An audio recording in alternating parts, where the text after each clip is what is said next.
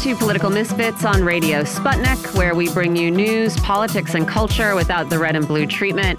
I'm Michelle Witte. I'm here with Ben Zinevich. We got a lot of news to get to before we head out into this weekend. We're going to talk about the White House approving the transfer of cluster bombs to Ukraine, which is uh, just great news for the children and farmers of that country. Always. And any, anyone with any sort of curiosity. Wonderful news for them. We're going to talk about the hypocrisy of arguments that Russian athletes not be allowed to participate in competitions. This is something that's been going on for a while.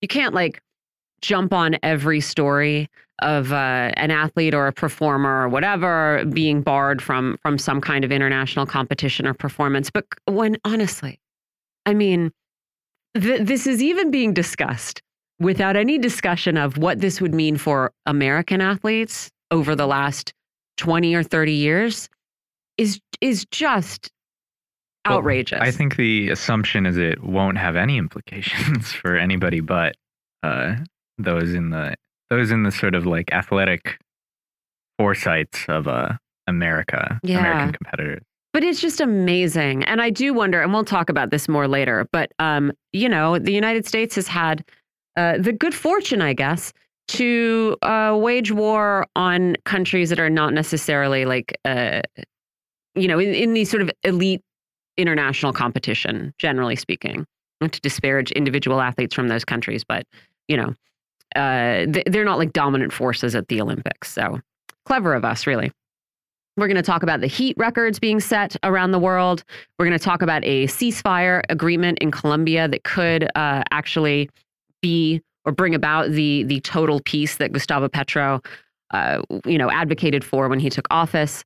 We're going to talk about why the International Atomic Energy Agency has approved a plan for Japan to release contaminated water from the Fukushima nuclear meltdown into the ocean. And I do like and you'll hear this again later, but I, I do enjoy the descriptions of what this water is going to be like. I think the Wall Street Journal called it slightly radioactive, which I mean, I guess is not, it's it sounds funny. I mean, I guess you could call airplanes that, right? Airplanes are slightly radioactive, or you you experience a little bit of radiation when you fly. Uh, CNN, I think, called it treated water. A lot of different adjectives for this water that definitely has, uh, yeah, nuclear I feel like we should contamination. have a maybe more standardized form of uh, describing this. No, it's like the it's like uh the La Croix of, of nuclear water. Just a hint, essence essence of well, I tritium in it. La Croix is also like. Is it nuclear? well, it's not nuclear. It may be slightly radioactive. I know that it damages your teeth. what? Yeah, because the water is sort of like a byproduct. It's not really that good for you. Are It's you like talking about the brand specifically or all well, it's similar seltzer? to like how like Dasani is sort of like the byproduct water of like Pepsi or is it Coca Cola? One of their um one of their it's sort of like after they've processed the water, they're like let's put let's also bottle this and then give it to people. what is it the process of? Like putting souls into bananas or whatever? I don't know. I don't know. I want to get to the bottom of this. We'll talk about PFAS though. Yes, we will. We will talk about PFAS. They're everywhere. You don't have to look hard for them. We'll talk about what's happening in Haiti and what Canada might have to do with it. We'll ask who the EU is paying to do its dirty work when it comes to migration. We got a lot to get into. Uh, and we also have to start. We have this uh, jobs report for June, which is not a, particular source of, of excitement, right? We we're still adding jobs, uh, but the rate is slowing. The New York Times notes that uh, this is the the 30th consecutive month of gains in American payrolls, but this is uh, part of a cooling streak, and this is the lowest number since this 30 month streak began. So, you know, kind of whatever. The unemployment rate dro- dropped a teeny tiny bit. It dropped from 3.7% to 3.6%. Of course, we all know that the way they calculate these numbers is designed to exclude a number of people Yeah. from Well, this official tally. How do we know? There's there is no way to know whether or not this is, this includes people that just have given up Mm-hmm. on uh, collecting, or uh, people who have jobs but have like three at a time. Well, yeah. And this also, I mean, uh, the other point here that is that is being made is that this is, you know, kind of good news for the Federal Reserve. Uh, unemployment isn't rising, but at least businesses aren't hiring. So this plan to lower inflation by throwing people out of work might, like maybe the tires are not spinning anymore. Maybe they've caught a slight bit. Joe Biden has celebrated this, celebrated it without qualification on Friday, again, to use the phrasing of the Times, saying that unemployment has now stayed below 4% for the longest stretch of consecutive months since the 1960s, and said, and this is Ben's new favorite phrase, this is Bidenomics in action. I just, yeah. I, I, don't understand. I, I feel like if your official unemployment rate is is low, right, nearing historic lows, but you also consistently have data showing that between a third and sometimes up to nearly 40% of adults in your country are having trouble paying their bills. That's not something to celebrate. Something has gone very wrong. This figure of uh, 40% is from May. It's higher than it was a year ago. Uh, Joe Biden has also specifically noted this was something we learned a, a couple weeks back. Black unemployment is historically low. Uh, while simultaneously, as of April and May, about 40% of Black Americans weren't able to pay all of their bills, and 55% said they didn't have a single month of non retirement savings. Doesn't seem to me something to celebrate. And if this is Bidenomics, I don't want any more of it.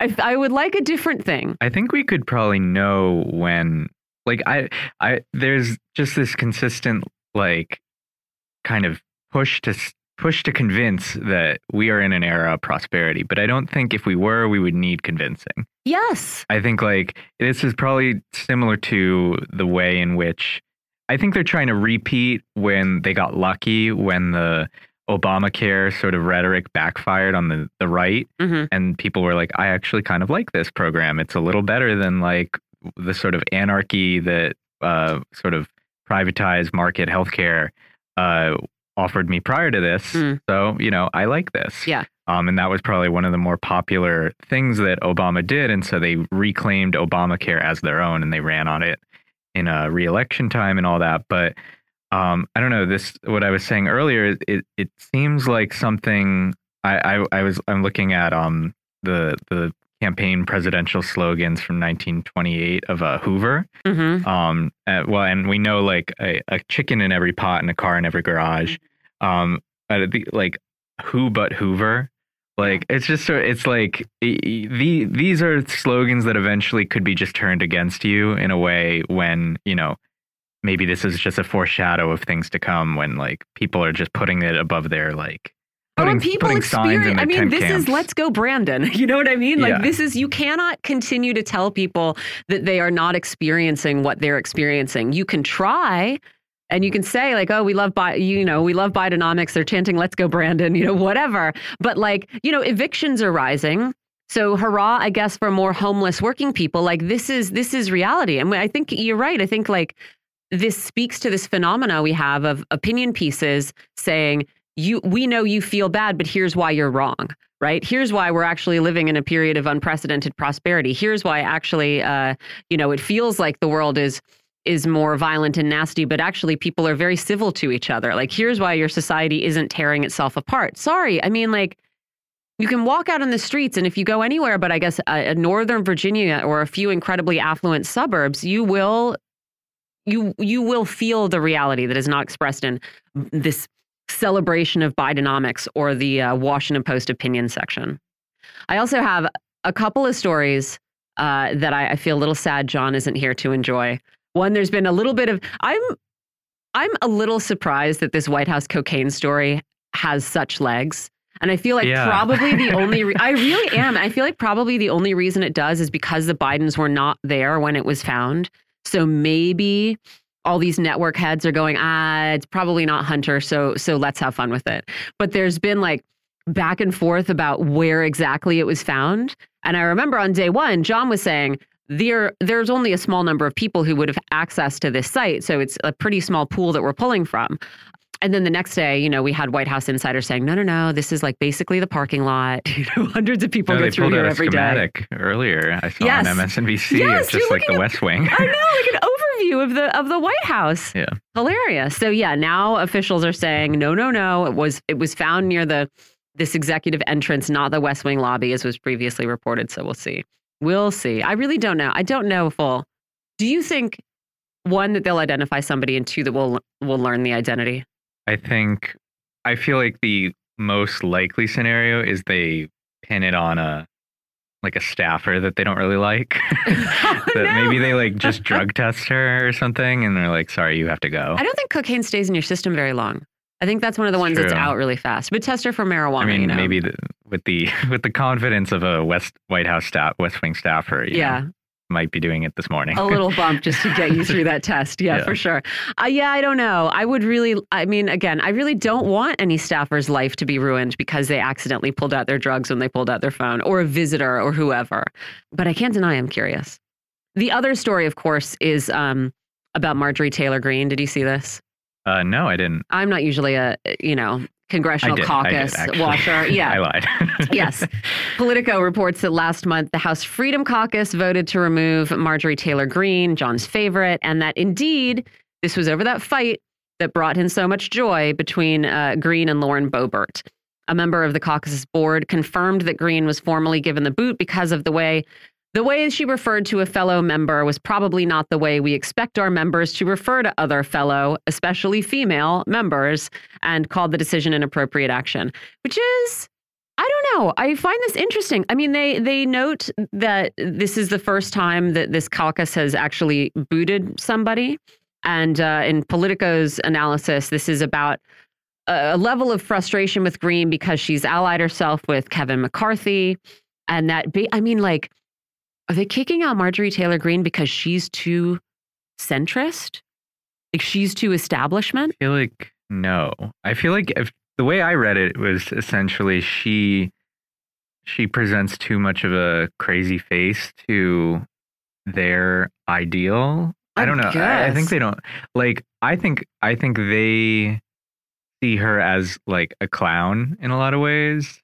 And I mean, granted, Sure. we know. Like But she's been reasonably, or she at least has the perception of being effective, right? Obviously, I don't like Marjorie Taylor Greene. I think she is a clown. I mean, so is Boebert, right? They're a bunch of clowns.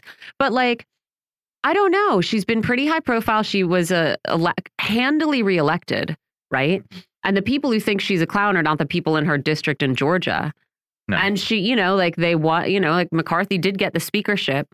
I don't know. I'm a little bit. I, I mean, I guess you, you can indicate. I mean, th- this seems like they think they don't need her anymore. Yeah, and it could Which- be entirely personal. I mean, if you know Boebert was able to strong arm the rest of the caucus, being like, "I don't like her," like, I guess. but I don't even think Boebert could I don't do picture that. Really, Boebert strong arming anybody. No. Yeah. Yeah, I don't know. don't it's know. very strange. And then, of course, you have to wonder: does this have anything to do with sort of Trump and which way they're gonna yeah, they're gonna go when it comes to the presidential primary? We'll see. But uh, sorry, John. Sorry you missed this one. because we're never going to talk about it again. no, no, I refuse. I refuse. Uh, and then also on the um, social media battle, Elon Musk's, or at least uh, Twitter's lawyers, have written to Meta alleging that Meta only made threads with the use of Twitter employees that it hired and that you know they they intend to protect their intellectual property uh, Meta is denying that they built their, uh, you know, their their competition app based on you know Twitter's IP. Yeah, it does sort of. I mean, I guess that's the explanation for why we don't just have a total Twitter clone. I guess it's complicated to build a, a website like that. Did you also see that um, if you delete, if you make a Threads profile and then you delete it, it deletes your Instagram I'm account. seeing that now. Yes, You're you can deactivate it. After I made one. Oh, actually. no. It's- well, you can deactivate it, but you can't ever delete it if you don't want to delete your fine. Instagram I'm- account. I don't really care. We- and we're weirdly attached to Instagram, I guess, for for being someone who's a late adopter of it. I just I like well, I wonder. pictures. I someone made the note that uh, the note that their that failure of the Instagram notes. If you'll remember that, oh gosh, I Uh, think yeah, I've never looked at a single one. I remember saying, "Oh, oh what is that? What is that text up can't even. there?" Yeah, I can't even remember. Oh, yeah, they are up there still. Yeah, But yeah, I, I know some people use them. I I've seen people just put like what they're listening to or like a little quote or something. it's Instagram's not. such a friendly place. It doesn't. It's it's. I- no harm. it- yeah, it's hard to see it. You know, putting together anything that could possibly rival Twitter, which is the, the world's unfriendliest place. and that's why we love it. All right, we have some actual news to get into. Oh man, I do want to talk about this this possibility that AI robots could play a role as companions in care homes. But I'll save it. I'm going to save it because I have I have too much to say about that. it's it's ready. disgusting. No, no, no. Let's talk about let's talk about some heat records. Uh, we're going to talk about climate action and uh, what that's going to do to Joe Biden politically. And uh, we'll talk a little bit about this ceasefire in Colombia. We're joined by Anthony Rogers Wright. He's Director of Environmental Justice at New York Lawyers for the Public Interest. Anthony, thanks for joining us. Hey, friends. Good to talk as always. How are you? Uh, we're doing great. A little hot, a little hot here, but uh, not uh, stuck in a car with no C- AC in Death Valley hot, which is, um, yeah, one of the headlines this week. So we had back to back records for the hottest day on Earth on Monday and Tuesday of this week. Although, as we noted when we mentioned it earlier, the records do only go back to 1979 people across the United States have died as a result of uh, this heat that we're experiencing in this country. Uh, the headlines mostly being generated by people who were out hiking or who otherwise got caught outside in this heat. And it is not just the air. The Copernicus Climate Change Service documented exceptionally warm ocean temperatures in the North Atlantic with extreme marine heat waves near Ireland, the UK, and in the Baltic Sea in May and June. And the El Nino weather system, which is a warming period in the Pacific, has formed slightly early. And we have the World Meteorological Organization predicting that there's a 98% chance that at least one of the next five years is going to be the warmest on record, beating 2016, uh, which was pushed to that record by an exceptionally strong El Nino. And so, you know, all of that the air is hotter, the ocean's hotter, and we are in the midst of this hot cycle. Uh, what does this say to you? And and where are we? You know, if we accept that we are on some sort of progress somewhere, where where are we to potentially dying in a world that is dramatically different from the one we were born into? Wow. Yeah, no, all important questions. Look, if you are just alive right now, Mm. whether you're a farmer, you're living in an urban environment, you're living um, on an indigenous reservation, you know, where, wherever you live, you, you know things are different, you know, from five years ago. If you're a bit older, you know things are different from 20 or, or 30 years ago.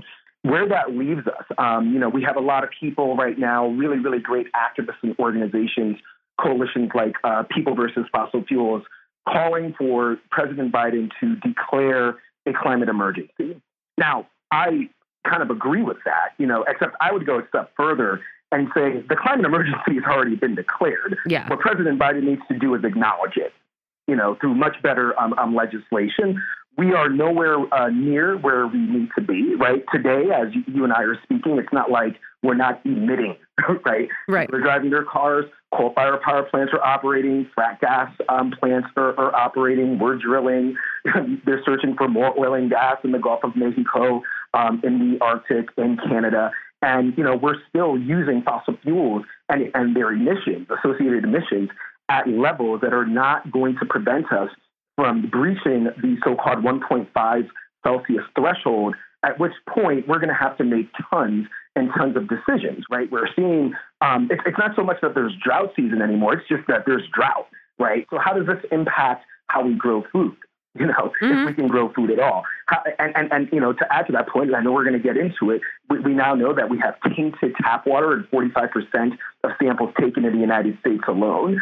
So um, I, I think that uh, the, the president is going around and all the great things that we're doing um, uh, with climate um, is, is a bit tone deaf, you know, uh, uh, right now because you know there are people dying and who have been dying in the United States. In New York City, where most of my work is um, situated, 50% of all deaths um, related to um, extreme heat are Black residents of New York City. hmm So this has been happening in, in environmental justice communities for some time now. It's just, you know, now sort of making it to the mainstream because more affluent people who do have the privilege to be able to go in nature and hike are also dying. Mhm. And, and that's also, you know, a problem. We have an iniquitous transmission of urgency. What would be something that would show you that the Biden administration is taking this climate emergency seriously? That, like, I, I suppose something that sort of, uh, well, I don't want to say within the realm of possibility, but the, the example that jumped to my mind is that he says, like, actually, never mind, we're not doing the Willow Project, you know. But what would be what would be something that you can envision that would be a really clear indicator? No, no, I, I think you hit the uh, nail on the head right there. Stop approving fossil fuel infrastructure. Um, live up to the promise that you made when you were on the campaign trail. You, you said right that Yeah. was only that's uh, starting to sound a lot like George H.W. Bush's "Read My Lips." No new taxes moment. He said, no new oil and gas drilling, period, period, period. So um, that's one way to acknowledge that there is a climate crisis by not allowing for the industry that has put us in this position to um, um, to continue constructing and operating facilities that are only going to exacerbate the climate crisis and poison and choke people out with toxic air in the process. You, you can't keep touting this so-called Inflation Reduction Act. You know, we've spoken about this um, in, in, in previous appearances when you're not talking about the other things that you're doing. You can't net out um, all the bad things you're doing with a few good things you're doing. Yeah. You know, like you have to stop. You have to stop what you're doing, right? Like I can't um, say I, am on a um, I'm, I'm I'm doing exercise to lose weight, and then you know while I'm done running, going to McDonald's to get a bunch of hamburgers. That's, that's not going to show that I'm serious. I mean, you can, and it's fun, but it sends a different message. I mean, the thing is, given what is perceived as the alternative in the United States, right? Given that we are dominated by a, a Democratic Party and a Republican Party, I, I wonder how important climate action is to Joe Biden politically, because of course he has I mean, he he has disappointed a lot of people, or he has been what a lot of people expected, which is to say, all talk, not a lot of action. On the other hand, right, if you are stuck in this political binary, there's not really anywhere else to go right? And so I wonder uh, if if voters if this is going to be enough to either alienate voters from from this entire system, whether this is going to mean something for uh, third party candidates like Cornel West. What what does this mean? What does his record mean for him politically? Yeah, no, I, I, I think you've, you, have you have nailed a lot of what I was going to say. You know, mm. first and foremost, um, you know, Harvard um, Ipsos just released a poll where younger people between the ages of, I believe, 18 to 29 or 18 to 27, more and more of them are not aligning themselves or even considering themselves Democrats black the black young people in particular 2019 63% of them consider themselves democrats and said they would absolutely be voting for the democratic party. That is below 50% in only four years. Wow. and as i said to um, jane fonda when i appeared on her program a, a few weeks ago to be doing this so close to an election season is absolutely reckless. And just politically it's just not strategic.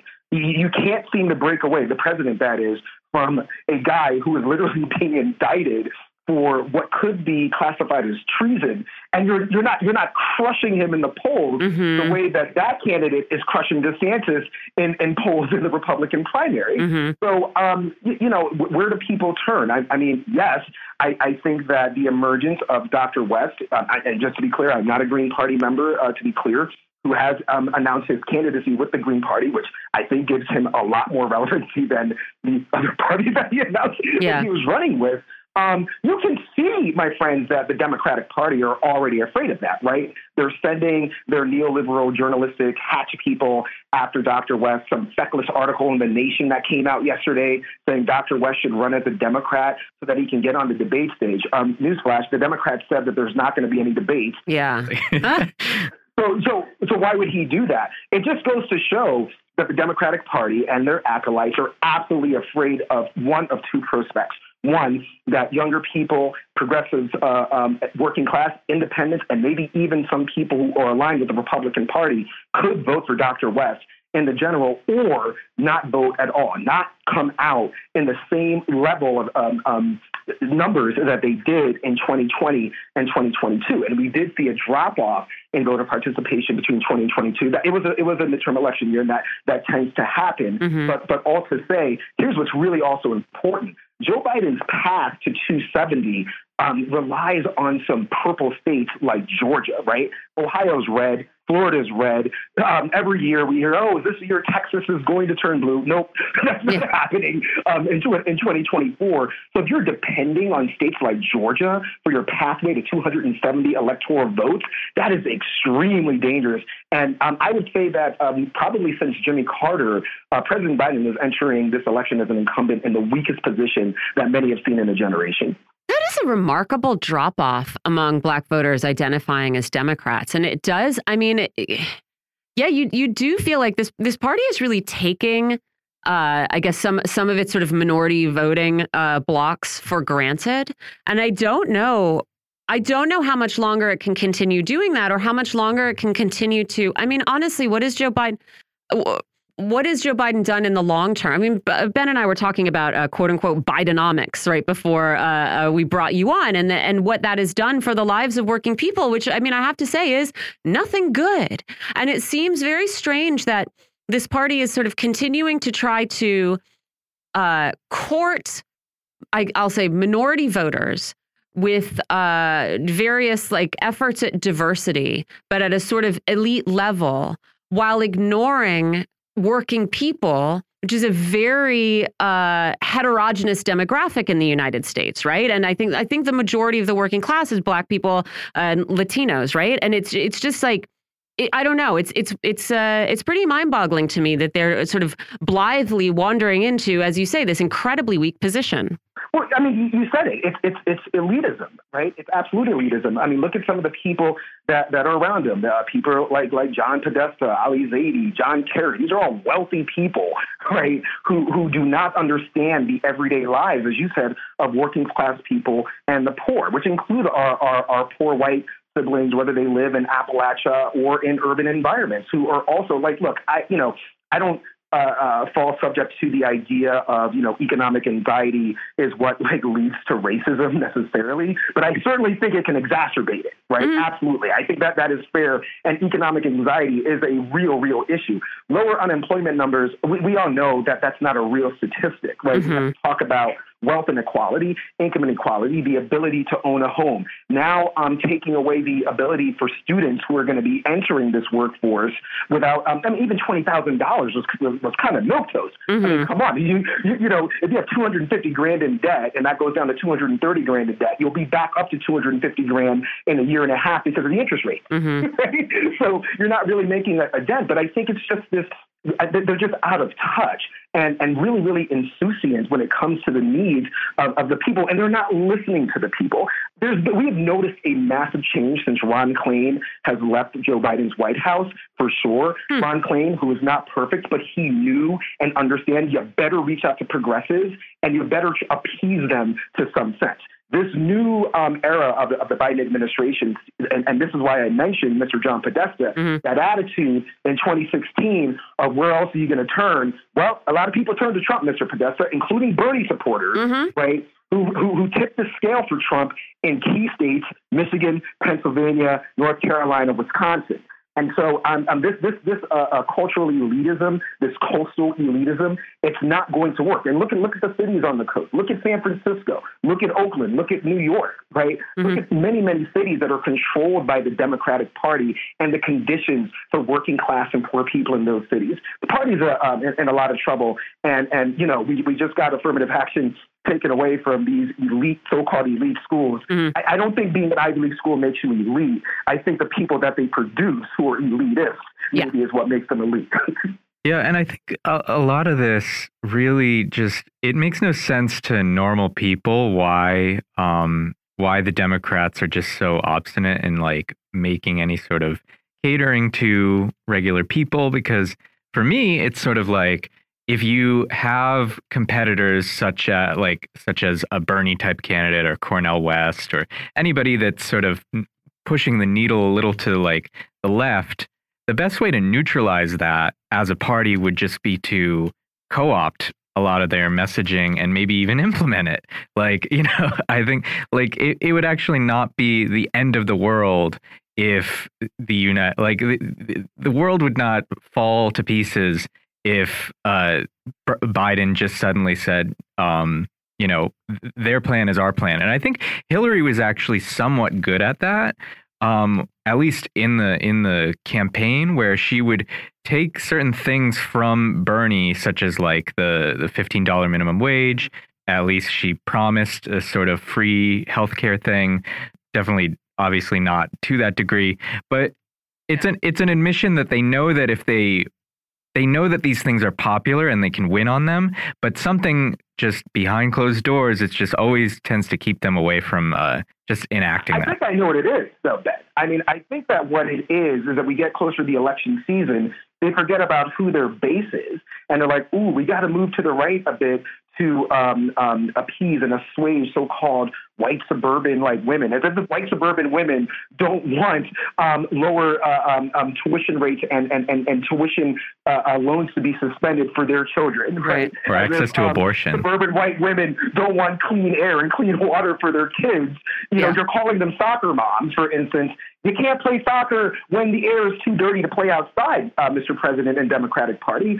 So again, it, it just shows that you know they're they're just out of touch right now, and and and a bad time, you know, to show that you're out of touch. And to your point about yeah, you know, things won't end the world. One of the excuses that they gave, oh, we can't cancel the Willow project because that would cost us five billion dollars in lawsuits. You don't know that. You didn't even try to challenge that. But secondly, you're sending two hundred billion dollars to Ukraine like you're you know giving out candy, but you can't spend five billion dollars to protect the planet and the sovereignty and free, prior, informed consent of indigenous people. That also sends a bad message, and that also drives people. If you're if you're really looking at the the tone of GOP and Republicans right now, they are tending to be more anti-war than centrist Democrats. Right? I mean, Yeah. they're asking questions of how are you spending $200 billion? And by the way, new weapons that are banned by NATO allies to a country, $200 billion, and you're not spending that on us right? $200 billion, that's more than one third of the so called Inflation Reduction Act, and four times as much as what was um, supposed to be situated for environmental justice initiatives.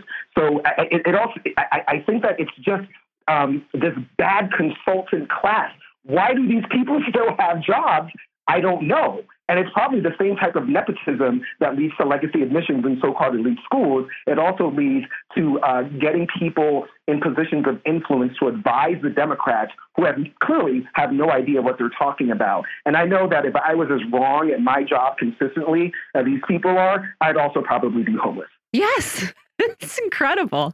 Hey, well, we, uh, I don't want to run out of time. I want to talk about these, uh, uh, the chemicals in our water, and I want to talk about this Columbia ceasefire. So let's get into this study by the U.S. Geological Survey. It's a big study. It touched all 50 states as well as Puerto Rico, the District of Colombia, U.S. Virgin Islands, and it found that PFAS, well, it estimates based on this study that this class of chemical substances that resist water, grease, oil, and heat and are found in all kinds of industrial products can now be found also in nearly half of U.S. tap water systems. Uh, the estimate was 45%. They're far more likely to be present in ur urban areas than in rural ones, which makes sense to me. Forever chemical is a scary term. But I mean, yeah, but it feels like we don't we I mean, we don't have an EPA standard even for what is safe or unsafe exposure. So I wanted to start by saying, you know, why are people concerned about finding these chemicals in our soil and now in our water systems? And what could they do to human health? Well, I mean, you know, first of all, they're, they're carcinogens, right? Um, they can lead to uh, digestive uh, problems, reproductive health issues, um, and, and, and really just, just alter public health as a whole, right, um, in, in general. And, and I think that, you know, I was speaking with someone um, yesterday, uh, of one of your um, partner um, uh, shows, uh, the great Jacquie Luqman, you know, that have you heard anything from the White House? I mean, that, you're, you're right. Forever chemicals, 45% in tap water in urban areas, which is where people tend to vote for you, Democrats. Yeah. And we've heard nothing from the president, nothing from EPA Administrator Regan, nothing from Department of Interior Secretary uh, Deb Haaland, because who knows if it's affecting uh, people in urban areas this bad? We know that um, in indigenous um, um, areas, it's, it's probably even much worse. Um, and and it's, it's just again another demonstration that this president's approach to environmental protection is just not in line with reality, nor uh, polling, nor what his base is demanding, and saying this is what we put you in office for. We, we didn't want you, right? You, you, you were you left Iowa and New Hampshire after ignominious defeats. James Clyburn saved you in South Carolina, and then your campaign caught fire, and people were like, okay, well we'll go along. This is what we're going to have to do, and you're doing the opposite of all of that. Look, we're we're talking about water, right? Yeah. Horrible air quality right now, rising heat. Guess what you need to, to assist with that, right? You need water. You need water to perform um, medical procedures. You need water to grow food. You need water to bathe, wash your dishes. And of course, you just need water to survive. Mhm. And when 45% of the wealthiest nations in the world's water supply is this tainted, and that is not um, um, grounds for at least considering a national emergency or some sort of declaration of we better get to the bottom of this, I, I, don't know. I mean, I guess Podesta and Biden and his um, um, Ivy League um, advisors, they can all afford to go get uh, bottled water at, at, the supermarket, which we're going to see a massive right. increase in pricing, by the way, right? Um, they can go and afford bottled water, but, but the people who put them in power certainly uh, uh, uh, cannot. And, and this, you know, adds to the, the, the, situation of like what we saw, what we're still seeing, I should say, in communities like Flint, what we're still seeing in indigenous uh, communities like the Dene tribe in, in Arizona, mm-hmm. who don't have access to fresh water while living in, in the wealthiest nation in, in, in, the world. There, there is such a disconnect with that. And, and this is going to, uh, this has and will continue to alter people's lives. And, and, and, it's, and, and in some, the worst cases, some people are going to lose their lives out of this. I, I mean, again, I, you know, as you know, I'm here in, in Colombia, you know, where we don't drink the tap water as, as often as we, you know, could, you know, and that's just probably good. But, but and, and I'm not saying this is, is to, to put shade on Colombia. It's a developing nation. Yeah. Okay, that's that's expected. That's expected here. In the United States of America, you can't drink tap water. Really? I mean, that's to me. I, am just flummoxed, befuddled, and extremely frustrated by that. And I think it's political um, and and um, um, it's, it's malfeasance of public servants to not even say anything about this. No statement from the uh, White House, no statement from the Environmental Protection Agency. All the while, we are, are going to be using more and more fresh water for things like green hydrogen, which doesn't work, fracking, which we know taints water, and all other types of manufacturing um, um, activities. And last thing I'll say on this is that they also said that this is very, very close to the Great Lakes region. The Great Lakes represent about 20 to 22 percent of the entire planet's fresh water that we have remaining. So, you know, um, again, out of touch, not in line with the people, and again, very, very reckless time to not be um, to, to not be in touch with your base when you are like not doing so great in, in, the polls and the election season is right around the corner. And also, I mean, and I want to get to this uh, conversation about this Colombian ceasefire. But also, I mean, this is happening. We're sort of uh, discovering just how pervasive this class of chemicals is, just how they sort of leach out of the products that they are deliberately put into to end up in places uh, where they aren't, you know, supposed to be.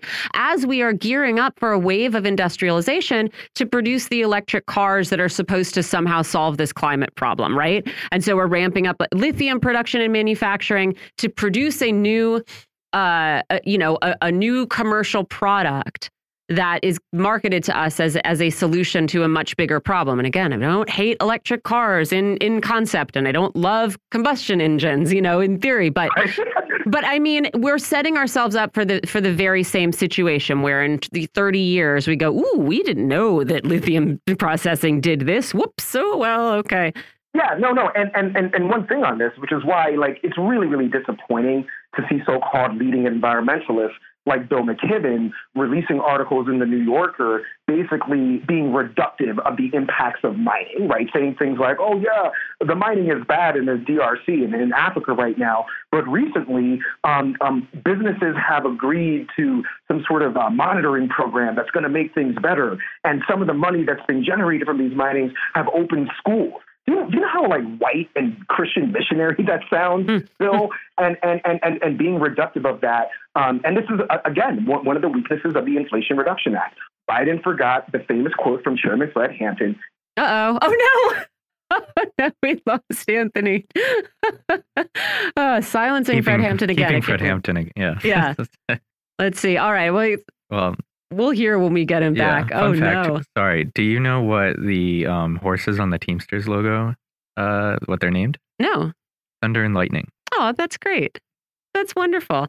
Well, I, think we, we do want to get into our next conversation about um, this Fukushima decision. But I will say that it, it is exciting to see that um, a ceasefire was declared between Colombia and the, the rebel group ELN. This was the last group that was, you know, physically fighting in Colombia. They have declared a sort of informal ceasefire that began this week. The formal one is going to begin uh, in August. It's for six months, which is the longest that has come so far. And I think does, you know, I do think you have you have to give the government of Gustavo Petro some some credit for achieving this this this level of negotiation, and the government of Cuba for hosting these uh, negotiations, despite um, despite suffering. Being, despite suffering under a blockade, um, but also being portrayed by the United States government um, as a sponsor of terror. Yeah. Um, even though it, this is literally the opposite of that. right. For for literally hosting these peace talks, yeah. this is part of what gets it nailed as a yeah. state sponsor that, of terror. That and of course the um, the hosting of uh, political refugees such as um, Angela Davis um we we i mean we'll have to go to a break but uh yeah. Uh, hey, we don't have to go into this. Anthony Rogers Wright. We were just mentioning this this uh peace deal. We wanted to get your comments on it. What do, what do you make of it? Who should get credit here? I mean, I think that the people of Colombia should get credit for this. Um, President Gustavo Petro, um, along with the amazing leadership of his vice president, Francia Marquez, Petro, of course, was a guerrilla at one time. I think that that established a foundation of trust that will get us here. We've got like a 5,000 page report on atrocities that have occurred over the years that has been agreed to, that has gotten us to this moment. And this is exactly what you have to do. You have to bring people together, even if there have been things that have happened in the past that leads to truth and reconciliation. And I think it's a model for what we could probably and should be doing in the United States with the massive divisions that we have there. More to see, more work to be done, but I think we have a good, strong foundation that'll hopefully keep the peace. And, you know, I'm back down here a lot. Have me back on in about a month or so when there's going to be a lot of beautiful activity down here in Colombia in August, and I'll let you know more. But I, I, I say this the, credit goes to uh, Petro, Marquez, the, the guerrillas themselves and the people of, of, of Colombia who have been saying, we, we just want this. We want peace. We want to live, you know. And, and I think that um, this is what happens when we trust leftist governments. Beautiful things can happen. Anthony Rogers Wright is Director of Environmental Justice at New York Lawyers for the Public Interest. Anthony, we'll talk to you again in a month. Thanks for joining us. Take care, my friends. Okay, bye bye. All right. And now to irradiated water, uh, contaminated water, Fukushima, water. and our, our oceans. Yes, mildly mildly radiated, uh, treated, contaminated. Lots of different words for it. Uh, we're talking about the decision by the International Atomic Energy uh, Agency earlier this week. Uh, approving Japan's plans to release radioactive wastewater from the Fukushima nuclear plant into the sea. Uh, they said science didn't justify concerns that have been raised by nations around the Pacific. This is water that I guess they've been holding on to for 12 years since this 2011 accident that caused the nuclear plant to melt down. Um, but they want to get rid of it. They say they can't continue to, you know, take up all of this space holding it. And so the US, Japan, of course, uh, the government of South Korea and other governments are on board with this plan, though, as is often the case, the official government position is at odds with some uh, of what the people of these countries want. China and members of the Pacific Islands Forum, which includes Australia and New Zealand, are among those countries who have expressed serious concerns at a governmental level. And so we're going to talk about, you know, how the IAEA is justifying this decision, what these concerns might be, and why they can't just hold on to this water the way they've been holding it with Kevin Kamps. He's radioactive waste watchdog and radioactive waste specialist at Beyond Nuclear. Thanks for joining us, Kevin. Thank you for having me. Uh, so, Kevin, can you start off by just telling us uh, what is in this uh, slightly radioactive water? What What is in this water, and what is Japan going to do to supposedly make it safe? Uh, it's not slightly radioactive. It actually contains astronomical amounts of radioactive tritium, which is radioactive hydrogen. So it means the hydrogen atoms in the water molecules are themselves radioactive. And it's very difficult to filter out. And for that reason, they're not even really going to try. Um, they're just going to release it into the ocean, is their plan. But tritium is only one of a number of radioactive poisons in the wastewater. There's also very biologically significant, tritium is biologically significant too, but other things like carbon 14 and strontium 90 and cesium 137, and the list goes on strontium goes to bone, cesium goes to muscle, carbon goes throughout the human system, as does hydrogen. And so this is an assault on the ocean. And you mentioned the uh, Pacific Island nations. They have a technical expert panel who's been really engaged with the government, government of Japan and have been calling out the government of Japan and the International Atomic Energy Agency on their lack of scientific justification, their lack of optimization of protective measures.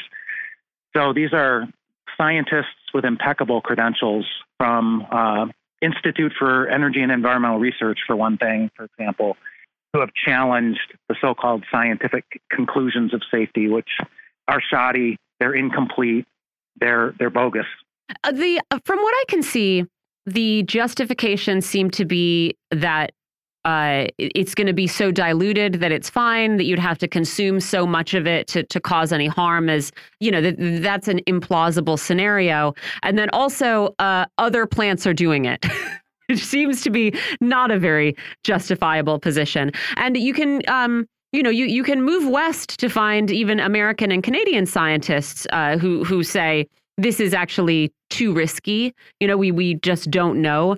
And the fact that other uh, other plants and other doing uh, uh other countries are are allowing this doesn't actually make it okay. So can you elaborate? Is that basically what the IR, uh, the IAEA is saying? Like they're going to water it down so much that it's fine? Yeah, essentially, um, the plan is to dilute it in more water, but that doesn't reduce the amount of radioactive waste that's in the water. That's all going out in the ocean. It may be diluted when it hits the ocean. But the part they won't talk about very much or at all is bioaccumulation, yeah. biomagnification.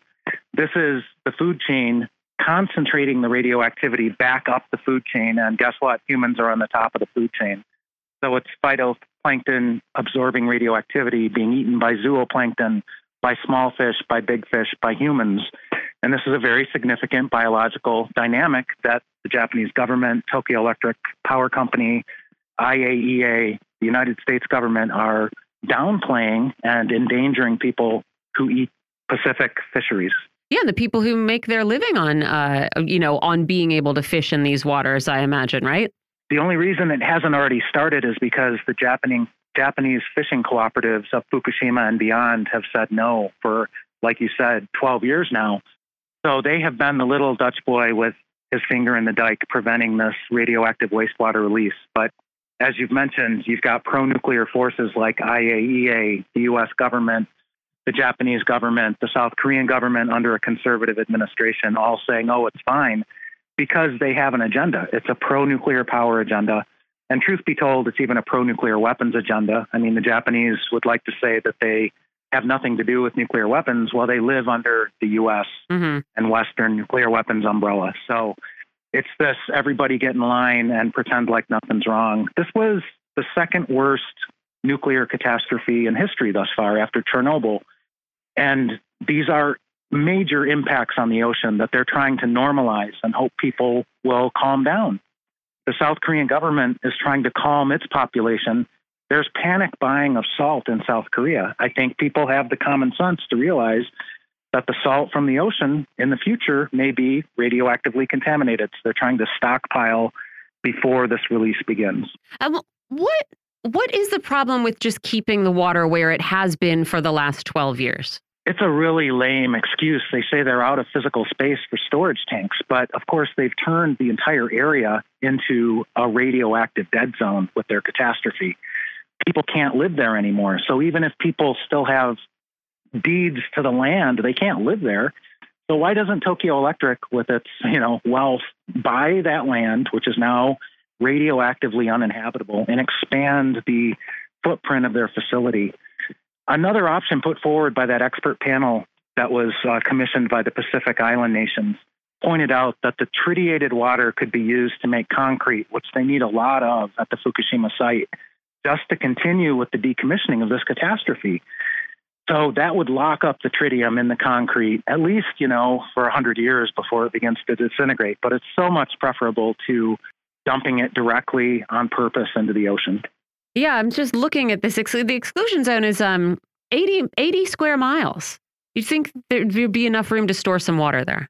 Yeah, and the exclusion zone should be a lot bigger. It was an arbitrary decision to cut it off a 12 mile radius and they couldn't get away with that in certain directions, like to the northwest, because contamination levels were so high. But um, just like at Chernobyl, the, the dead zone should be a lot bigger than it is. They just made an economic decision and decided that the harm to people living just 12 miles from the epicenter of this catastrophe, well, they're just going to have to deal with the health consequences because we can't lose any more land than that. These are the risks that go with nuclear power, and it's just going to be a matter of time before another meltdown, another Chernobyl, another Fukushima, and we'll get to deal with this someplace else. I mean, or it's it's not as though earthquakes have stopped in Japan, right? So you could just have another Fukushima right around there. It feels like. The other question I want to ask is, you know, you you mentioned the possibility of of bioaccumulation, which is one of the risks that the IAEA seems to be ignoring, or that's what critics say. What can you talk to us about what the what the human health implications might be, or, or or even what the sort of marine ecosystem uh, implications might be if uh, some of these some of these radioactive contaminants start building up in them? Well, I mean, institutions like the National Academies of Science in the United States and internationally, the International Commission on Radiological Protection have for decades recognized that any exposure to ionizing radioactivity carries a health risk, for example, cancer, and those risks accumulate over a lifetime. And there's no exposure to radioactivity below which there is no risk. Every exposure carries a risk and it accumulates over a lifetime. So now people will be eating radioactive fish from the Pacific and accumulating more ionizing radioactivity. And truth be told, the health risks are not just cancer causation, it's also genetic damage, it's also um, birth defects to uh, the fetus in utero. So there's all kinds of health impacts from ionizing radioactivity. And now we're going to be, as a population worldwide, exposed to more because of this decision. In addition to this uh, panic buying of salt in South Korea, are we seeing any, I don't know, organized pushback, protests, um, boycotts, plans for them uh, as, you know, people, sometimes even in countries where the governments have approved of this plan, express their concerns? Yeah, ever since the Fukushima catastrophe began in 2011, there have been active prohibitions on importation of certain foodstuffs from Fukushima including fisheries, but also land raised agriculture. So certain companies, certain countries have had those prohibitions in place for a dozen years already. And I think given the circumstances now, we could probably expect other countries to consider doing it. But certainly, you know, the good news is the Japanese anti nuclear movement, environmental movement, the fisheries cooperatives, in addition to protesting and trying to stop this ocean dumping, they've also stopped the reactivation of many, most of the reactors in Japan. Mm-hmm. There are about a dozen, I believe, actively operating, but that's out of several dozen that existed before the catastrophe. So the rest of them remain closed due to popular demand, which is really a miracle given the pro nuclear policy of the Japanese government. Yeah, what else would you say, uh, you know, looking from the vantage point of today, has been the legacy of Fukushima? I mean, uh, uh perhaps a resurgence of anti nuclear sentiment in Japan. Have there been safety upgrades at all, or is it mostly a legacy of contamination? Well, I mean, one one legacy would be that even the Conservative Party of Germany got it after Fukushima. I mean, the Greens had it from the beginning in the 1970s. The Social Democrats got it when Chernobyl happened. It took Fukushima to convince the conservatives, and actually, it was a matter of political survival. They were losing elections in places like Stuttgart and Bremen, where they had ruled since 1946. And they realized that if they didn't uh, join the nuclear power abolition um, consensus in the country, that they would lose those regions politically. So Germany closed its last reactor in recent months. There are no nuclear power plants operating in Germany, the fourth largest national economy in the world, the largest economy in Europe. They're planning to go renewable efficiency and storage. That's their energy plan for the future, while also reducing greenhouse gas emissions dramatically. So if Germany can do it in Northern Europe, believe you me, other countries like Japan, like the United States, with vastly more renewable energy resources due to their geographic location, could do it as well. Kevin Kamps, thank you so much for your time. Uh, let our listeners know where they can find more uh, about your work at Beyond Nuclear. Yeah, our website is just beyondnuclear.org. Uh, thanks so much for joining us, Kevin. Really appreciate it. Thank you for having me. We're going to take a break in just a sec, but I, I forgive me, Ben, I have to tell you about AI robots at uh, old folks' homes. This is a Reuters story, uh, and it has a picture of a horrifying looking woman uh, whose name apparently is Nadine. She's a social robot. She's powered by AI. She has human like gestures and expressions. Just imagine what that could mean to you if you are, you know, in the sort of middle stages of dementia in a bed surrounded by strangers and this machine with human like gestures comes up to you to ask you if you want to take your pill or have a drink of water or something.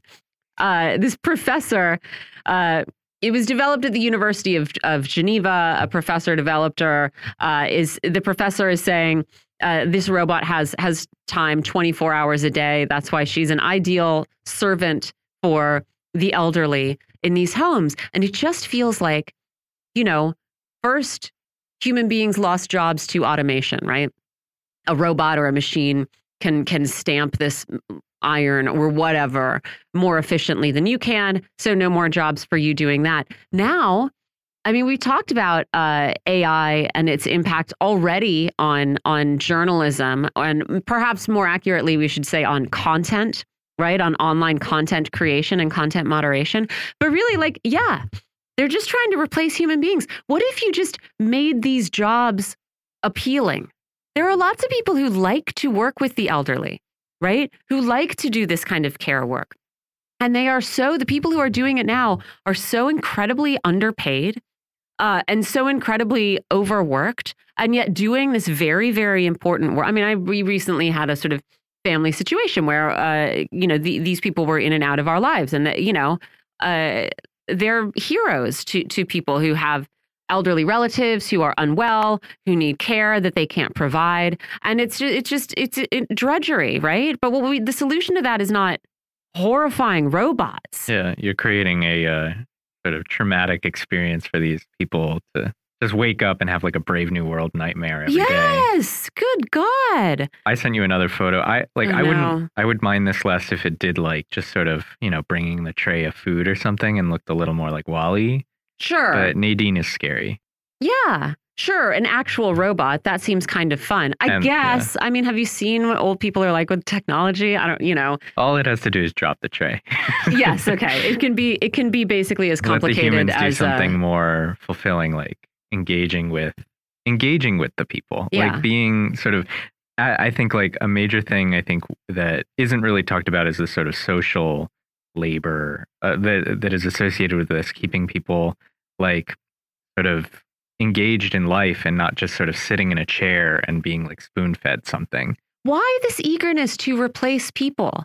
I mean, you think like uh, you think okay, so is everyone doing this? Everyone who's involved in AI and promoting these and developing these robots, you actually don't have any friends.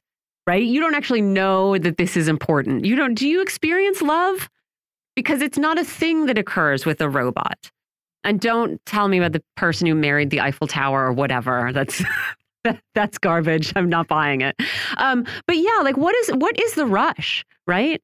People need people need employment. What if you just pay these people fifty dollars an hour, right? And have like a bunch of nice human beings who also have nice wives take care of grandma. They don't they don't think they'll be in a retirement home, maybe. I think that's yeah, I think that's a good point. All right, we're going to take a break here. We're going to come back and talk about cluster bombs. What fun. You're listening to Political Misfits on Radio Sputnik.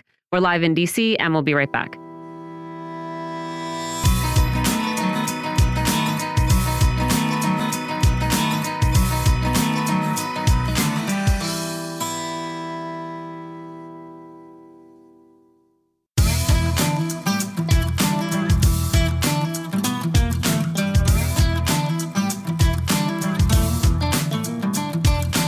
Welcome back to Political Misfits on Radio Sputnik, where we bring you news, politics, and culture without the red and blue treatment. I'm Ben Zinevich here with Michelle Witte. Well, we have a couple of things to get into, a lot of fun things to get into. we have uh, Joe Biden saying it's okay to use cluster bombs, even if the laws say that they aren't. You have uh, Ukraine NATO updates. Um, you know, suddenly Foreign Affairs is saying maybe we don't want them in NATO. Mhm. You have uh, ish, continuing issues of migration in Europe. Um, you know, a lot of reaping and sowing happening. Um, and you have, of course, Israel trying to avoid war by shelling Lebanon. Um, so, with all that, we want to give enough time to get into all of it. We're joined gratefully by with Phil Kelly, who is a political commentator and socialist activist based in Belfast. Phil, welcome back. Great to be with you. So, we wanted to begin with an announcement made last night that the United States is expected to provide cluster bombs to Ukraine.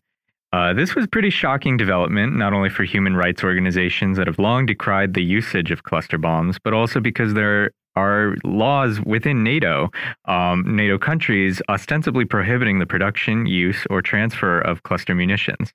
Um, we've already seen the danger of this use in this conflict, specifically when Ukrainian forces carried out cluster munition attacks in Izium last year, resulting in the killing of eight Ukrainian civilians and the wounding of 15 more. Um, the, the report itself said that these numbers are probably low because many of the wounded were taken to Russia for medical care and then chose not to return to Ukraine. Um, so, how does this move by the United States change the landscape of this uh, of this conflict right now? Well, there's a couple of things um, that are immediately apparent uh, from this. The first thing is the double standards that the United States and its Western puppets engage in. Uh, you know yourself that we often hear the phrase uh, international rules based order. That has no standing in, in reality. It's a meaningless phrase concocted by the United States, which basically means that uh, other countries can commit a crime, can be held accountable for crimes against humanity or war crimes, but we cannot because we set the rules that, that, that we believe that we operate with. Um, so that's the first thing. The second thing is clear desperation.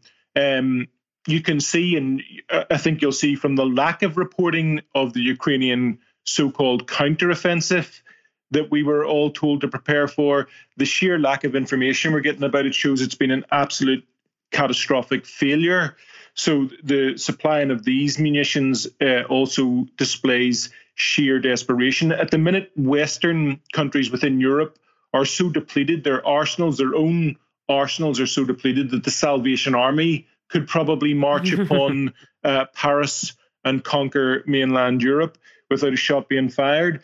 Um, the other thing about this, and it's it's the really obscene thing, is the kind of debate around ethical weapons or so-called ethical weapons. It's a very strange concept. I mean, we've been fed a diet in the West about the the advanced precision weaponry. You know yourself that there are countless cases where these precision munitions tend to kill people going to school or attending weddings. Um, you know, so the, the, idea of kind of ethical weapons is for the birds. Uh, and if you look at the kind of investigations, the amount of print that was given up in the West in terms of, say, attacks like in Douma, whether it was a false flag or not, but the idea of was this a chemical weapon? Was chlorine used? And he, now you have the United States willing to send cluster munitions to uh, Ukraine. But I think as well, this may be mute uh, in a couple of weeks, this debate, because we have a Ukrainian president who seems to be crying out for an attack on a nuclear reactor. So the debate and the parameters of it may change to somewhat more apocalyptic if the clown has his desires filled. It has been remarkable to see. We we talked about this on the on the show yesterday, but um, you know, there's a lot of discussion in the United States right now about uh, Taiwan, whether Taiwan. Uh, uh, Taiwan's faced with a choice: become Hong Kong or become uh, Ukraine. Oh, whoa, whoa, what a difficult, you know, what a difficult matter to get your head around. And this like delusion from what I can see about how this war is actually going. And so yeah, I think that, you know, a lot of attention is being paid to to what these munitions are like and to how disgusting it is to to, you know, uh, support their proliferation. Um, and you, know, a couple of paragraphs into all these stories you'll see like, oh yeah, this is because Ukraine's running out of artillery. Well, they're running out of artillery because we are running out of artillery. And not just the United States, everybody. I, I feel like the fact that we, you know, Ukraine's NATO supporters have blown through their munition supplies to lose, at least so far, right? Who knows? Maybe I'll be eating my words in six months, but I don't think so. I feel like this should also say something about the, the state of these of these uh, uh, economies that have been supporting Ukraine. Oh, absolutely. I mean, the, the you know the insanity that is governing the kind of geopolitical game being played in the West is is quite remarkable. And I think as a as a generation, have we forgotten kind of the you know the the reality that we lived with during the Cold War, where there seemed to be a more heightened awareness of how dangerous it was to lead down the road to confrontation. People were genuinely fearful of a nuclear confrontation. You don't seem to get that, or at least within the West, people aren't waking up to how dangerous uh, a road we're being taken down by the Biden administration and, and by uh, design as well. Also, the, the, their lackeys within Europe. Um, we've been told, and you'll remember, we were told months ago that Russian soldiers were fighting with spades. Um, we were told that plucky Ukrainians we're bringing down Russian drones with jars of tomatoes or whatever. Mm-hmm. Uh, the reality, uh, once you strip away the propaganda, is very different. Ukraine is burning through the reserves, as you said, of uh, European defense uh, systems. It's also burning through its human capacity. And that's why you've heard Zelensky using phrases like sending, now, not only is he asking for German tanks, American tanks, F 16s, but he's starting to talk about sending the sons and daughters of uh, European nations to come and fight in Ukraine because they are they're losing a generation mm-hmm. in a war that they cannot win, which is you know great news if you're an arms manufacturer in the US. It's not such great news if you're a Ukrainian looking to a kind of livable future. Mm-hmm. They really are burning their future. And if we're not careful, we're going to be dragged into the abyss with them. So, you know, you kind of hope that the kind of desperation that you're seeing now by the Biden administration sending illegal uh, outlawed weapons to Ukraine surely must serve as a wake up call of, of, you know, the propaganda we've been fed is is not the reality on the ground, and we need to start waking up to the reality of what this conflict is. And I mean, at, at, the risk of belaboring this point, just because I lived in Laos for a few years, right? And so I can't let this pass without mentioning the country that has suffered the most as a result of, of cluster munitions. And I agree, Phil. I think there's not as much different between uh, indiscriminate weapons and and so-called precision weapons as as we are sold. But like, uh, you know, these are very good weapons for blowing up children and farmers, right? They they have a high failure rate. They linger for a long time. They entice sort of curious people over to play with them. Then they get blown up. They hide in fields. They get blown up by tractors. And the U.S. track record in cleaning up after itself after using these munitions is terrible. And I think that it goes, you know.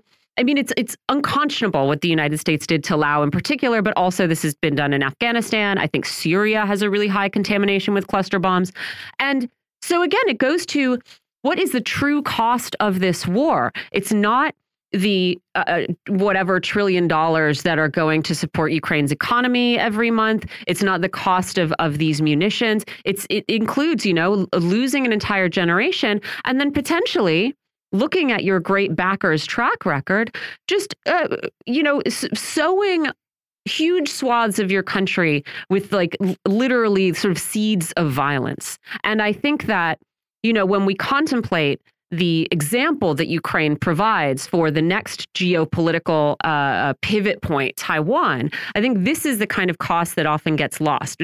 Not really a question in there, Phil. I just like I, I can't I can't let an, uh, a discussion of cluster bombs go by without mentioning Laos and the the horrible horrible crime that we committed in that country and the fact that you know, there's not a lot of uh, not a lot of reason for Ukraine to have faith that the U.S. is going to do a great job helping them clean up.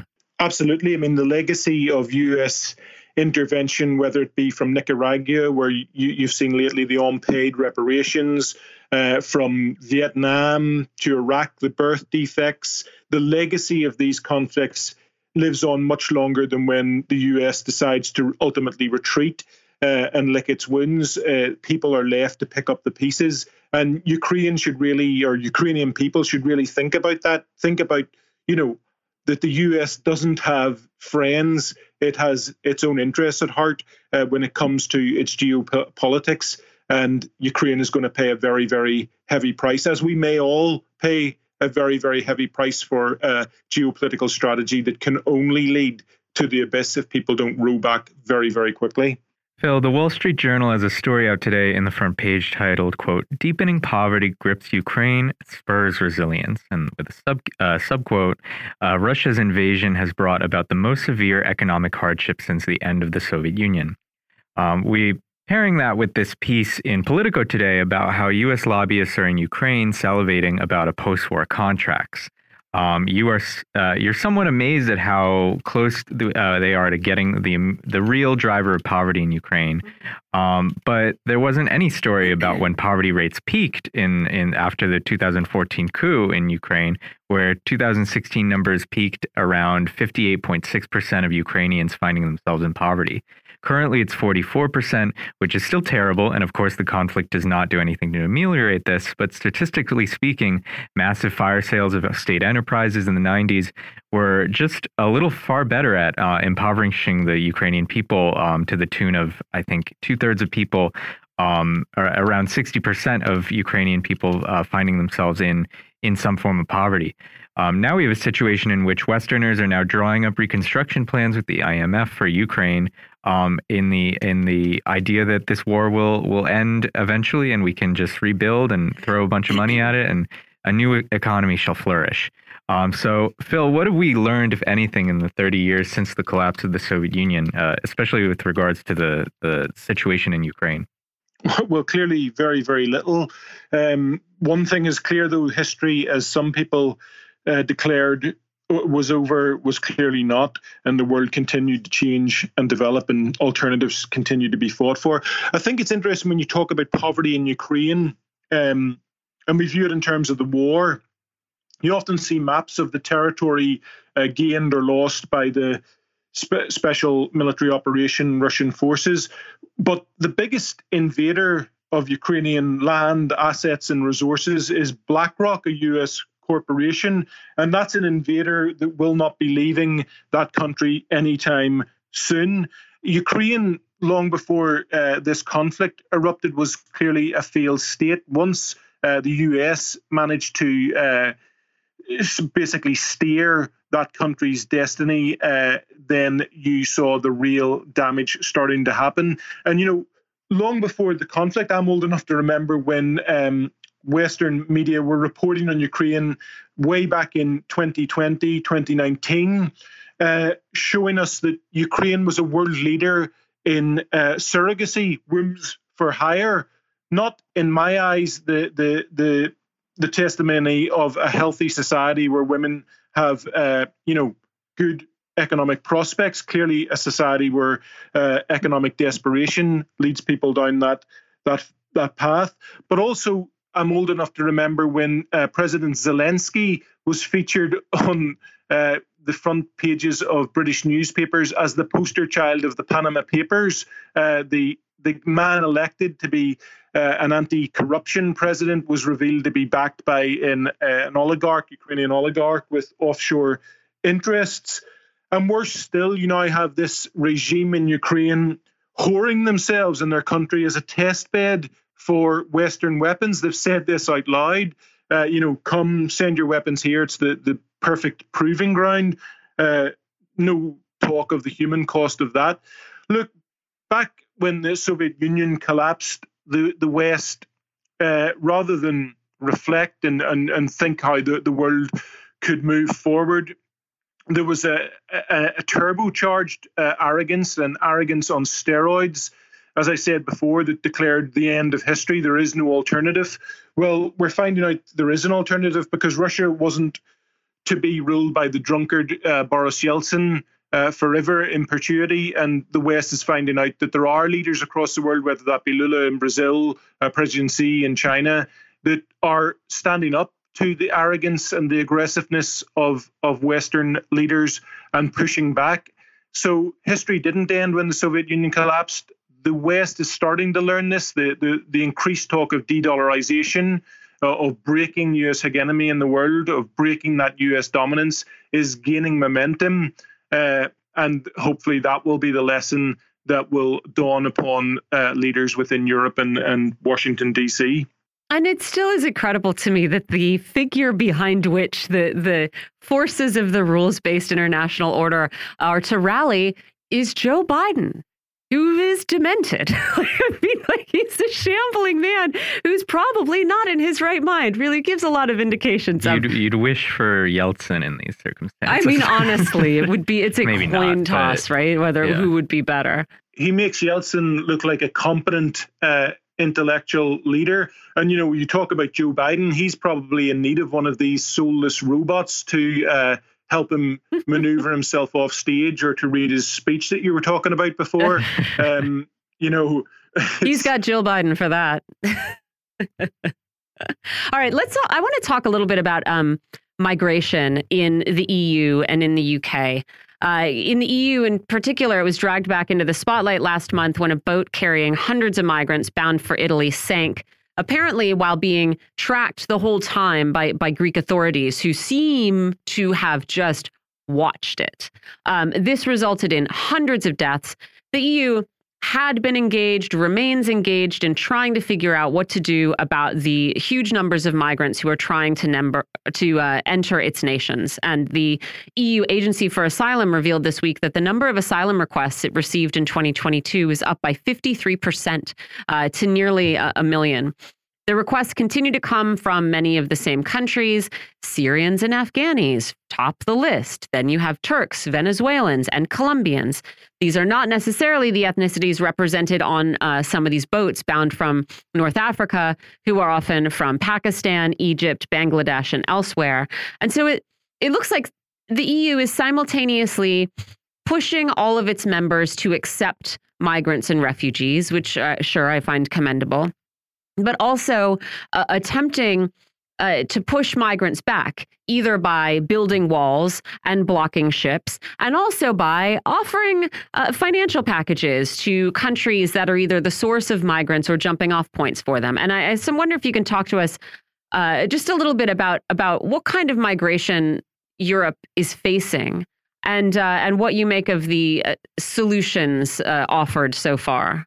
Well, firstly, the solutions are not you know effective and will not be effective because it would require the the European Union and the West more generally to face up to the reality of itself. That's not going to happen mm-hmm. anytime soon. And what you have within the West is kind of two main factions emerging. One is the kind of liberal, open all borders, let everyone in, everyone's welcome, which isn't in any way a solution.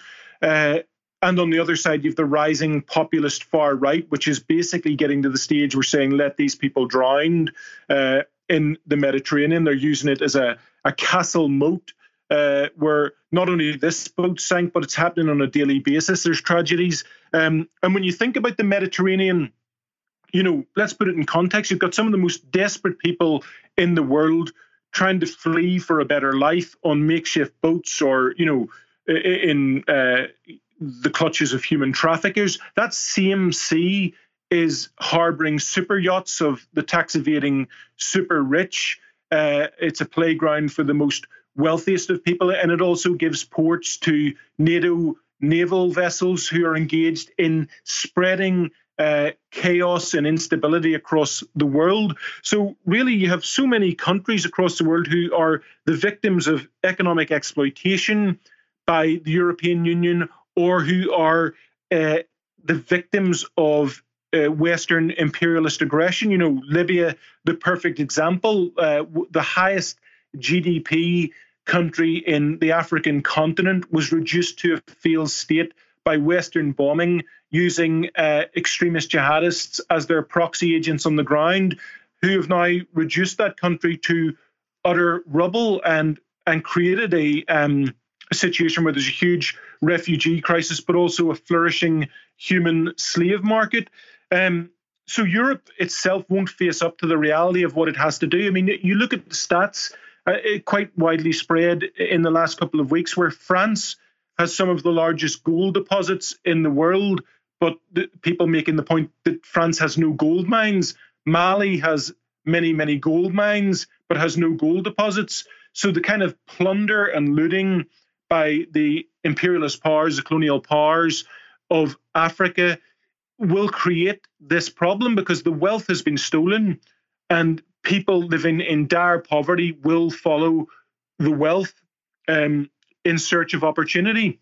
So, you know, will the European Union, instead of countries like France continuing to take debt payments from some of the poorest countries in the world, will we get to a stage where they say we need to return uh, the economic uh, wealth that we stole from these countries, and we need to support, uh, you know, sustainable growth and, and mutually benefic- beneficial growth among the, the global south. But they're never going to come to that conclusion, and every action that they take politically tells us that they're moving further and further away from that position. No, and it's frustrating because I agree. It's not. It's not as though that wealth has been stolen and then equitably distributed in the Western countries where it uh, is found, right? Which would make just saying, oh, okay, open the borders, everybody come in, uh, a slightly more workable solution, right? If there was a sort of equitable distribution that could then be further divided. But that's not how it happens, right? And so, you know, you you do end up creating uh,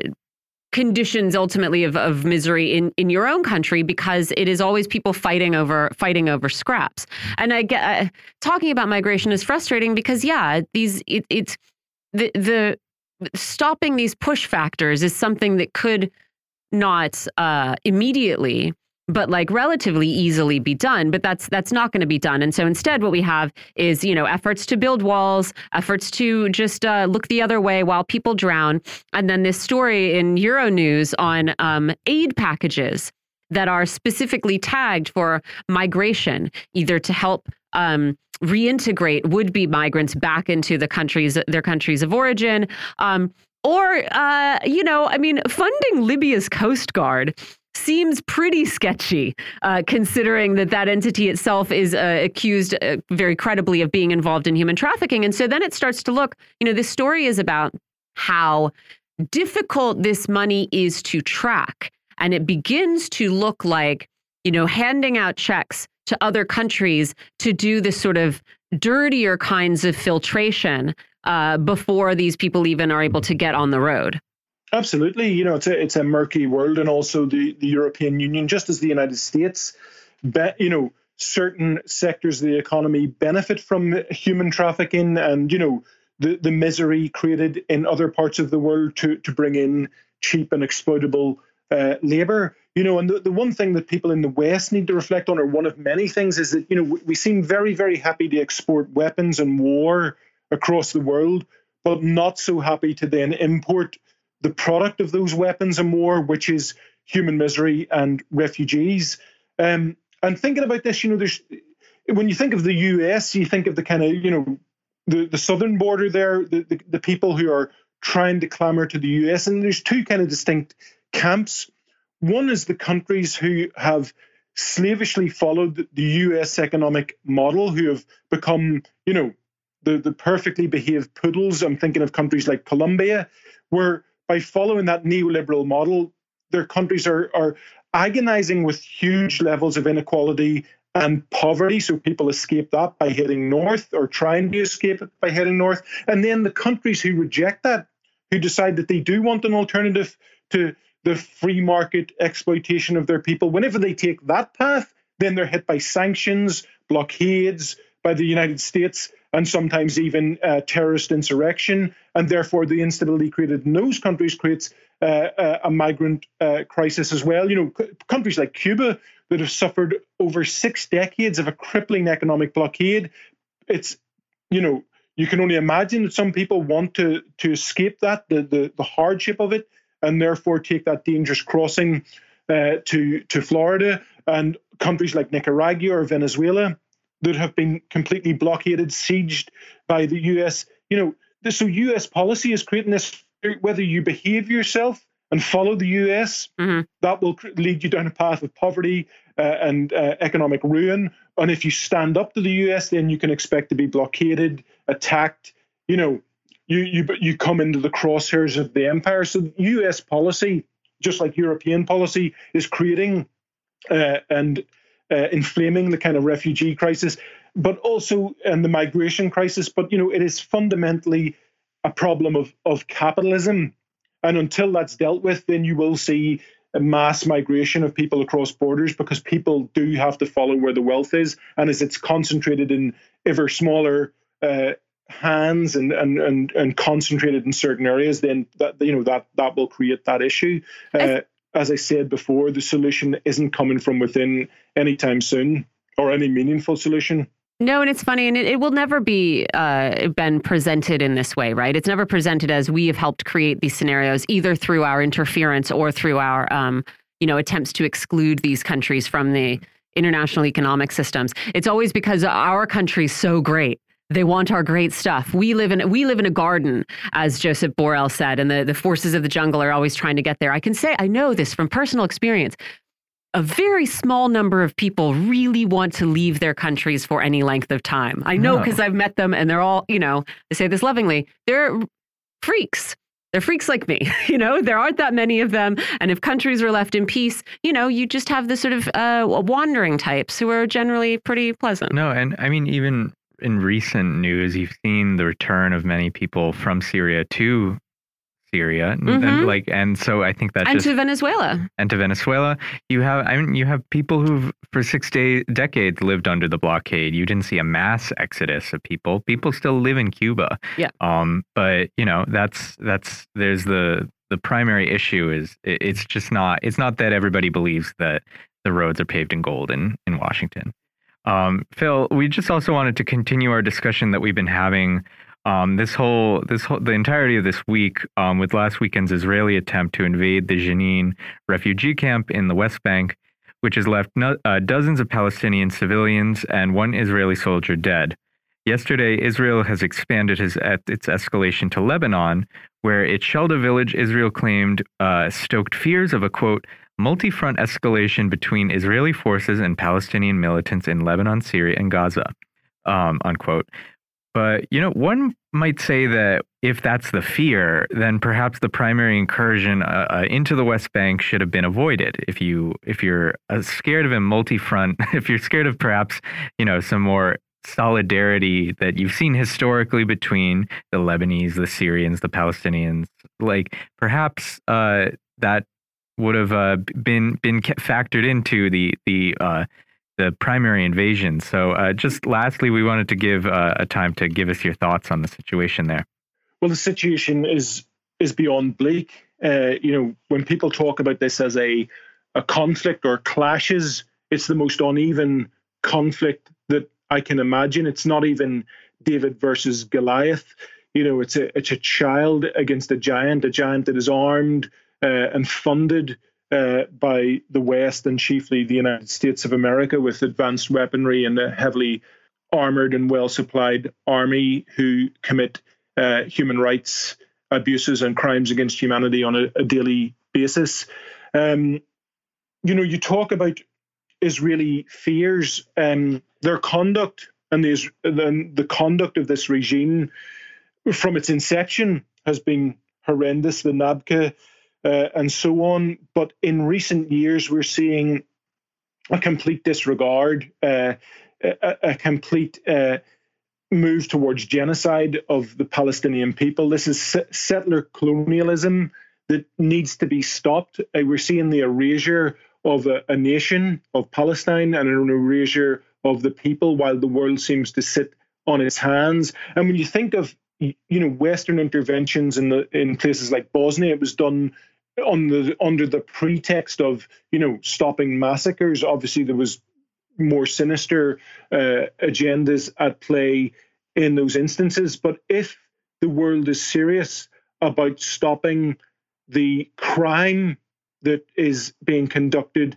by the, the regime in Israel, then I think you do. I think we're at the point where the only solution to that is for a coalition of the willing to say that they need to degrade uh, the uh, the Israeli military uh, to prevent them from committing these crimes, and that would take a, a huge coalition. We know that Israel's an undeclared nuclear power, um, but this is a regime that's out of control. It's an ethno-fascist regime, uh, and you know it needs to be stopped. I think one solution would be that if more people in the United States uh, were aware of the issue of what the United States is actually funding. This is a regime that I spoke to people who fought uh, against the apartheid regime in South Africa, who took up arms against that regime.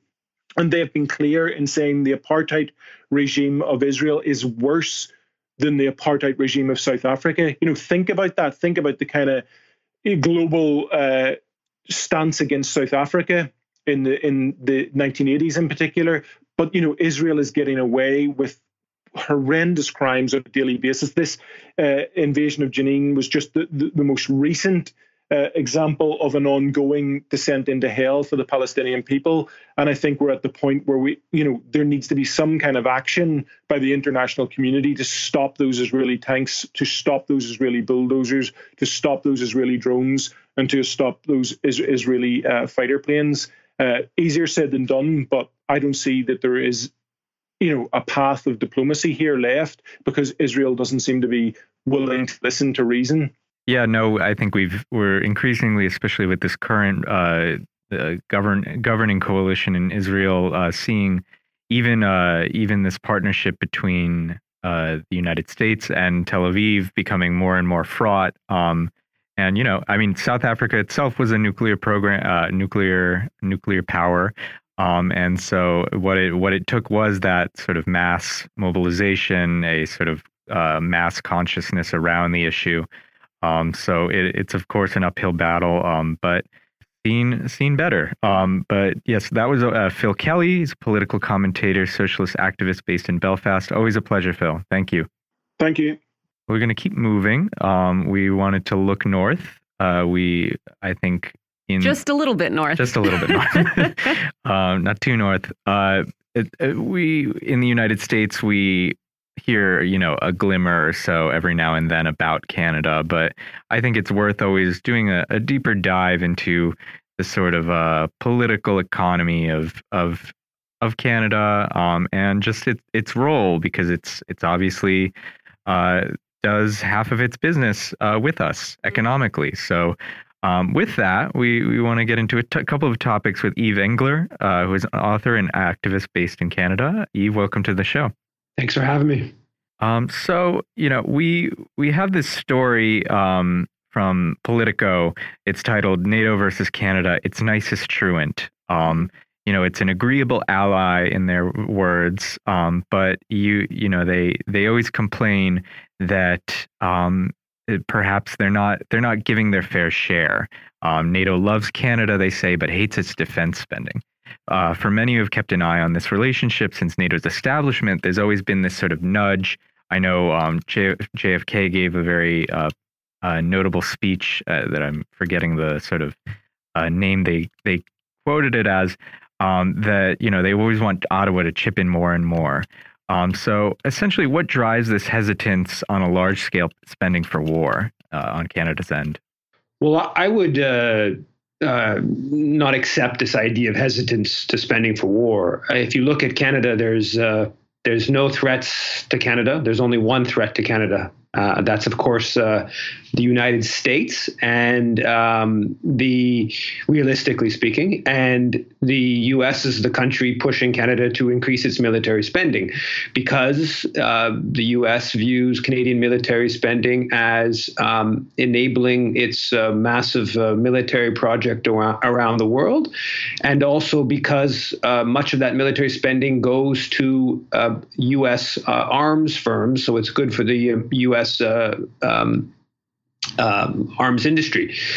Um, so Canada, you know, it's uh, 13th biggest spender in the world, military spender on a per capita basis is about less than 0.5% of the world's population spends more than 1.5% of uh, military global military spending. So, you know, it has this much more powerful military than is often um, uh, accepted. If you look at Canada's role in NATO, has joined every single major NATO mission.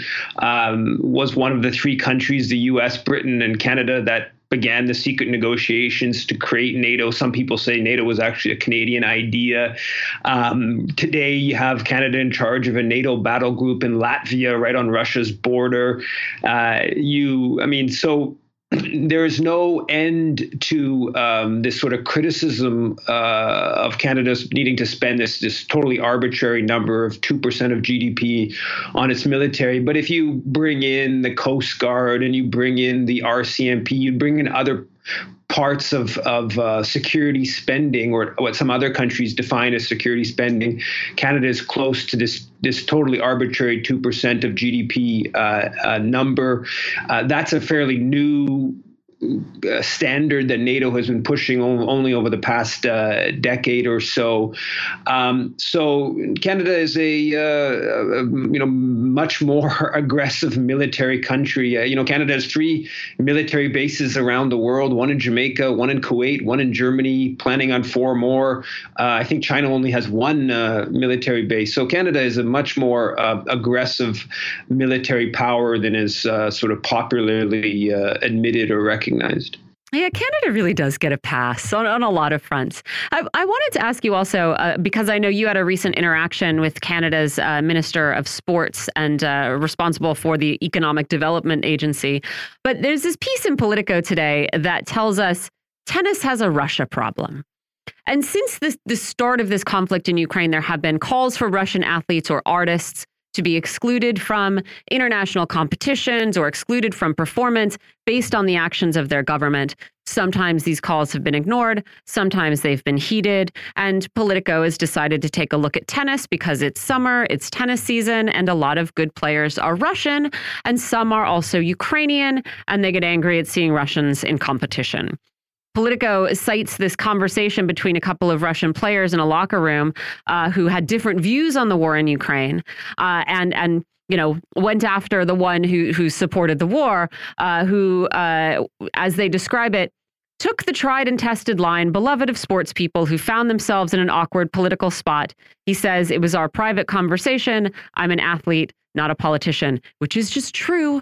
We could stop asking athletes to take political positions all the time. Um, but really, I mean, what what is increasingly hard to ignore is the incredible hypocrisy when it comes to American athletes. American athletes alone. I mean, you could throw in Canadian athletes, you can throw in the athletes from any NATO nation, but I mean, the US has illegally invaded how many countries in the last 20 years? And i don't recall ever uh, there being a call to exclude american athletes from major international competitions. And perhaps you know, part of this is because the U.S. has been content mostly to destroy countries that aren't major forces in international athletics. I, I, don't recall any encounters between American and Iraqi or Afghani athletes. Maybe Serbian athletes got mad at some point. I, I don't remember.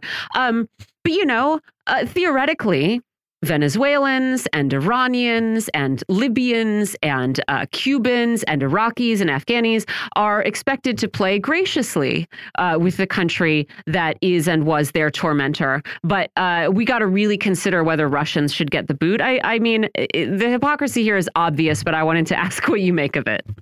Yeah, I, I, mean, I totally agree. And when I asked Canada's sports minister this question exactly a few months ago, uh, I asked about why you know we're pushing to exclude Russian and Belarusian athletes from Olympics, even even not even uh, under their own country's names, just even across the board. Uh, Canada's sports minister, I said, well, what about, did you feel the same way about American athletes after the invasion of Iraq? And she just looked at me, smirked, and uh, walked away. And the, the video clip got, you know, millions of views because it kind of encapsulates this, this total hypocrisy, but also the dominant media refusing to sort of ever ask these very obvious questions. If you look at what happened after uh, U.S. invaded Iraq in 2003. You have the uh, the you know there's been all this thing about the NHL uh, hockey. Uh, you know, Russian athletes are important oh, yeah. in, in in hockey as well. And uh, after uh, uh, the invasion of 2003, you have the New Jersey New Jersey Devils went to the White House to to, to you know ce- celebrate winning the Stanley Cup with uh, with with George W. Bush. But but we're supposed to be all concerned about you know Russian athletes and and Ch- Russia's you know in, invasion and, and war in, in, in Ukraine. Yeah. So the you know, hypocrisy is, hypocrisy is absolutely stark. Um, it's just it reflects power, of course. It reflects who has the dominance in, in so many spheres of of, of uh, political, cultural, uh, sporting, uh, ideological uh, dominance, and of course, the U.S. empire has a whole lot more power than than Russia does in those spheres, and it, it trickles all the way down to to these you know hyper moralizing uh, questions about about um, you know good Russian uh, tennis players, and um, I think it's it's really incumbent upon um, certainly people in Canada, and this is also part of what I asked the sports minister about. You know, what about when Canada invaded Libya? Yeah. You know, 12 years later, Libya is a total a total disaster. Uh, and uh, why you know should Canadian athletes or Afghanistan, right? Canada you know invaded in a long-standing war, more than a decade war in Afghanistan. Should Canadian athletes should there be question at least about Canadian athletes and and sports uh, competitions? Uh, you know, I think that Afghan athlete would have every right to be, um, um, you know, troubled by having to having to play a, a Canadian uh, if you if you bring the uh, same standard that that um, is being adopted to uh, to Russians. But but no, it's it, it just sort of uh, goes along, and the hypocrisy we're just all supposed to to accept it. Well, Michelle, I think it's even it's even uh, more than just sort of the negation of blame or sort of displacement of the blame on the entire society of America. It's the fact that after 9/11 and during the war on terror, sport became entirely militarized. Like you saw the sort of flyovers of jets. Mhm. Everybody now there's like military days that are. I mean, that I think may have been common in areas such as like San Diego, where the military was always sort of, uh, sort of header. Like it was, it just had sort of a It's a big orthodoxy. part of every- society. yeah, but you know, even in places where that it doesn't exist, like they'll have days where all the uniforms are camo, and you know, everybody. It, you know, it- I think that, that that's something else is that the the United States has been able to just sort of uh, turn sports into just almost like a sec uh, a It's like sort a of sixth uh, win, or I- I don't patriotism. even- it's yeah. like sports are sort of an expression of nationalism and patriotism. The, the- yeah, which is you know makes them way less fun to watch, which is personally That's why they had vexing to, me. Do that to Pat Tillman. But the the other thing, and I mean, I think this is uh, important to to bring up, is that people aren't even asking these questions. Like this is such a huge propaganda victory for the United States, having like very successfully sown and uh, and maintained and and grown this idea of American exceptionalism that uh, you know people in power are very rarely having to contend with questions like yours. You know, I mean, I guess this hypocrisy can be expected, right, from the people who. Um, you know, organize global geopolitics and and uh, whose whose careers depend on it. But really, it feels like we ought to have more journalists pointing out how silly these calls are instead of um, stories like tennis has a Russia problem, you know? And so to me, this speaks to, you know, however um, ham fisted and, uh, and unsuccessful on, on the surface some of our military adventures have been, our propaganda about them has been top notch. For, for sure, and and and it, it, more than a year into Canada trying to ban uh, Russian and Belarusian athletes, uh, I believe I was the first person who, who, you know, I'm not a formal journalist in the, you know, gets to access the the Canada sports minister on a regular basis. I think I was the first person to ask this question, which which speaks to how the media is so deeply complicit in these incredible uh, double standards. And furthermore, as we you were pointing out, like part of what Canada did as as as part of its invasion and occupation of Afghanistan is that the Canadian military uh, adopted this whole outreach uh, project. Part of the outreach project included all these um, Canadian Forces nights at the at the NHL games and and in other other hockey leagues as well. Uh, so so you had like you know Canadian soldiers being you know officially celebrated at the uh, you know at the uh, Ottawa uh, Senators game and and it was you know all part of bringing the the the sports world into explicitly backing uh, Canadian militarism, which at that point was you know occupying and often uh, killing um, um, Afghans. Yeah, I mean, again, also in a very simplistic form, like you would know, like you would understand any sort of baseball has a Venezuelan problem as racist. Right. Yes. so, um, but yeah, we we obviously uh, can't have a conversation about Canada's contribution to U.S. imperialism or the imperialist system without discussing the situation in Haiti. This past year, Prime Minister Justin Trudeau has made reclaiming a quote, I guess, reclaiming Canada's reputation as a so-called peacekeeping nation as part of his uh, government's foreign policy platform. Um, but what has this character of Canada's relationship been with with Haiti um, in recent history, and what are Canadians who seek true peace and a sort of anti-interventionist policy calling for in this relationship? Yeah, over the past, uh, at least during this century, so the past two decades uh, plus here, uh, Canada has been a the second player in basically subjugating Haiti. Obviously, the U.S. is the dominant power, but Canada is supplanted uh, France as the uh, second force. And back in early 2003, it organized this meeting where they brought brought together top U.S., uh, French, organization, American states officials together to basically decide to oust the elected uh, president, uh, bring in a UN uh, force, and um, and um, recreate the Haitian military. 13 months later, after this meeting, uh, the U.S. Marines with Canadian Special Forces at the uh, Toussaint Louverture Airport in Port-au-Prince um, uh, took the f- elected president probably most popular politician in Haitian history, and uh, forced him out of the country, dumped him in the Central African Republic. Canada supported this uh, coup government that killed thousands for the next over the next two years, and since that time, uh, Canada with uh, the U.S. Um, uh, installed, essentially install, installed the uh, PHTK, uh, Michel Martelly, this uh, this very reactionary former uh, Duvalier uh, uh, corrupt guy, as president back in 2011, and um, and that regime has overseen the just complete deterioration in Haiti, and now over the past two years, you have Ariel Henry, who um, after the assassination of Jovenel Moïse was basically uh, appointed by a tweet, literally by a tweet from the core group, which is the core group is the U.S., Canada, uh, as the main uh, as the main players in a couple of other uh, countries, and um, and obviously situation in Haiti is you know deteriorated uh, remarkably. you have a you know huge problem with with violence and and, and gang control, and now you have like this this sort of um, popular response to the gangs which are very politicized and often tied in with the police.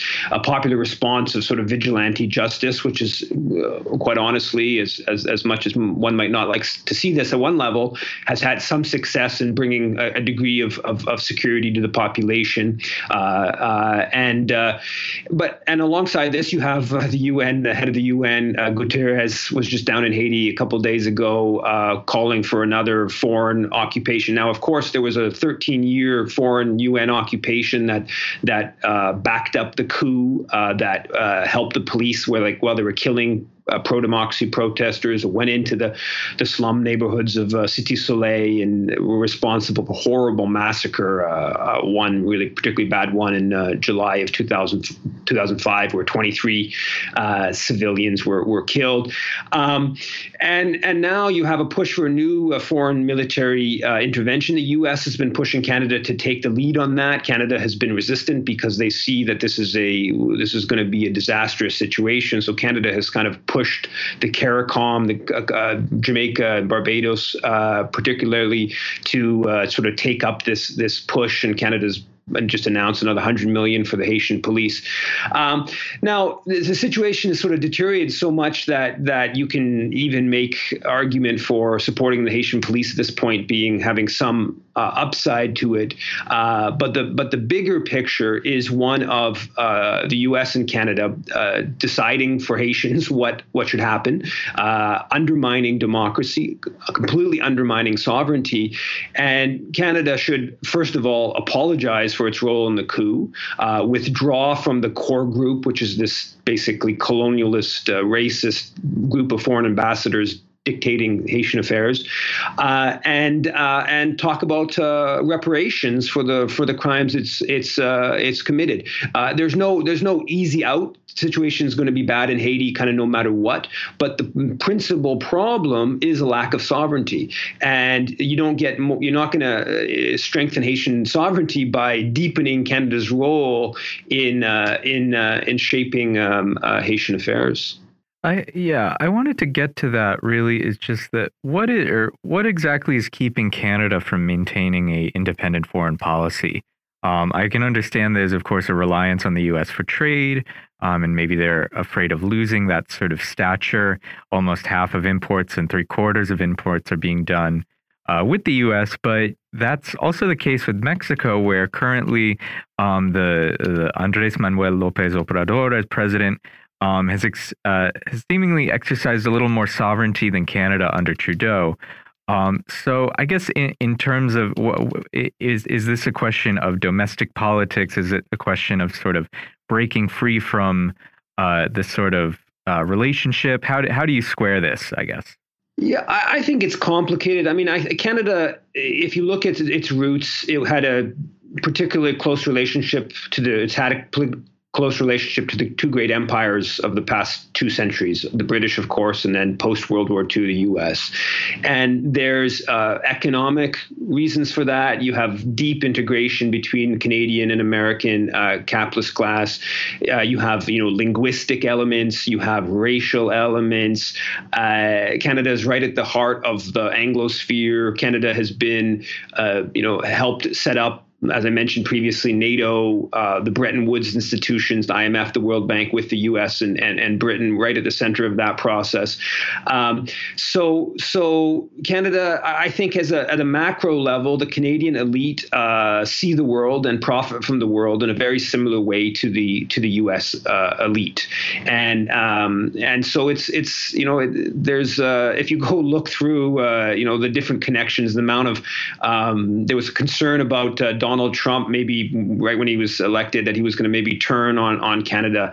And the Globe and Mail had this this big long story that, detailed all these important players like Brian Mulroney, all these important Canadian capitalists, and how they all basically have houses next to uh, to Trump's down in Florida, and they all have all these you know connections. And and don't worry, we'll we'll be able to use all our you know influential players who have all these relationships with Trump to to make sure that you know Trump's not too hard on on, on Canada. Canada. So, so I think that it's it's this deep integration, and um, the Canadian military is you know completely integrated with the U.S. military, and and and that plays out at the economic level, right?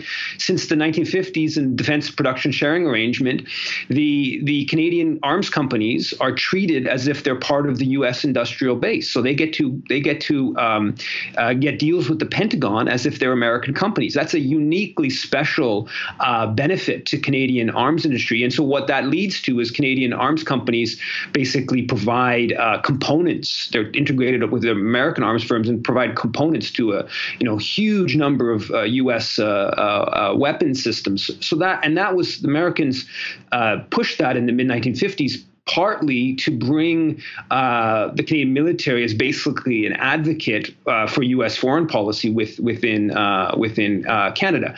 So um, uh, to give this special kind of deal to Canadian arms companies and, and the Canadian military to so they advocate for the for U.S. Uh, U.S. foreign policy, and and so this this generalizes um, into into a number of uh, uh, different spheres, and and so yeah, as you pointed out, right, like even before uh, AMLO, uh, Canadian foreign policy, Mexican foreign policy, even with right wing Mexican governments, it, it's way less uh, integrated with U.S. I mean, Mexico wasn't sending thousands of troops to Afghanistan, didn't lead the bombing of Libya, didn't didn't you know have the um, foreign occupation of Haiti, like like you know Canada uh, was part of. Um, so so uh, Canada, you know, the, the, the whole ethos of Canadian political culture is one of um, is one of empire. You know, British uh, today, American, and uh, and that you know trickles down all, all, throughout the the political culture. And and so the, the whole question of independence uh, you know there are issues like on China where I do think there's important segments of Canada's capitalist class that's not on board with um, with the sort of more aggressive policy on on China. Uh, that's a kind of unique where there's a division between the sort of pro empire the militarist the security intelligence kind of uh, apparatus in Canada versus a big segment of, of, of corporate Canada on the China question. Uh, but with the exception of China, for the most part, uh, there's an alignment and um, and there's a, a, view that this is uh, you know the U.S. empire is is is is, is good for us. There's plenty more that we'll want to get into next time. But Yves Engler, where can um, people find out more about your work? Where can they read more of what you're writing? Yeah, I publish on a lot of different left wing sites, but just yvesengler.com, Y V E S E N G L E R.com has uh, most of my articles and information on my books and, uh, and stuff. Terrific. Thanks again. I have a couple last stories. First of all, did you see this? Uh, there were a lot of headlines generated by this spat between Britney Spears and the security of this young NBA player yesterday. Did you see this? I saw like a chyron. Yeah. The initial thing was that she the police were called. She claimed she was assaulted. She said she was backhanded by a member of this uh, security staff. Now it seems like it's possible that he sort of hit her and caused her own hand to fly back into her face. But I still, I think I'm Team Britney on this one. I mean, Britney Spears is a volatile presence on social media, right? And uh, I think that it's one, I mean, absolutely correct and was totally unjust that she was under a conservatorship for for such a long time. That doesn't mean that you know she's probably totally well, but you have to allow if people anything, to make. it means the opposite. Yes, but I mean, people need to be allowed to make some of their own decisions, and you can't basically, uh, you know, turn someone into a, your servant No. forever. No. But no, also, I, man, yeah, yeah. And this again, I don't think this also has anything to do with this uh, this young NBA star whose name I don't remember. He's like 19 years old. It's his security's job to do this thing. Wembanyama. She's five four. You know what I mean? Like, fire your security guy. If your job isn't let someone approach and uh, either touch or uh, grab your client and then hit them to get them out of the way. I feel like security is supposed to function differently from that.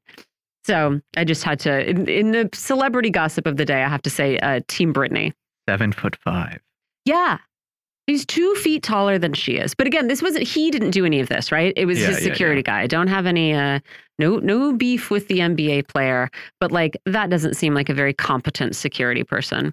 Also, we have some good news for France. Well, actually, some might call it good news. Some might uh, be upset about it. But apparently, um, France has been in court over whether Pornhub should be blocked because of the way that it will or won't um, uh, assess people's ages in accessing the site, which is surprising to me. I didn't know that France was going to go the way of like uh, Utah, right? Utah Yeah, got mad at, Virginia. Yeah, Pornhub was like, we're not going to go through this like incredibly invasive process to assess people's ages. We're just going to have them click a button to, to verify or not. Apparently, um, those libertines, it wasn't good enough for them. But it's uh, it, Pornhub lives to see another day is the is the message. We'll see what happens on Monday as we follow this important story. That's just laughing over there. No time for a response. That's all we got, folks. We'll see you on Monday. Thanks for listening.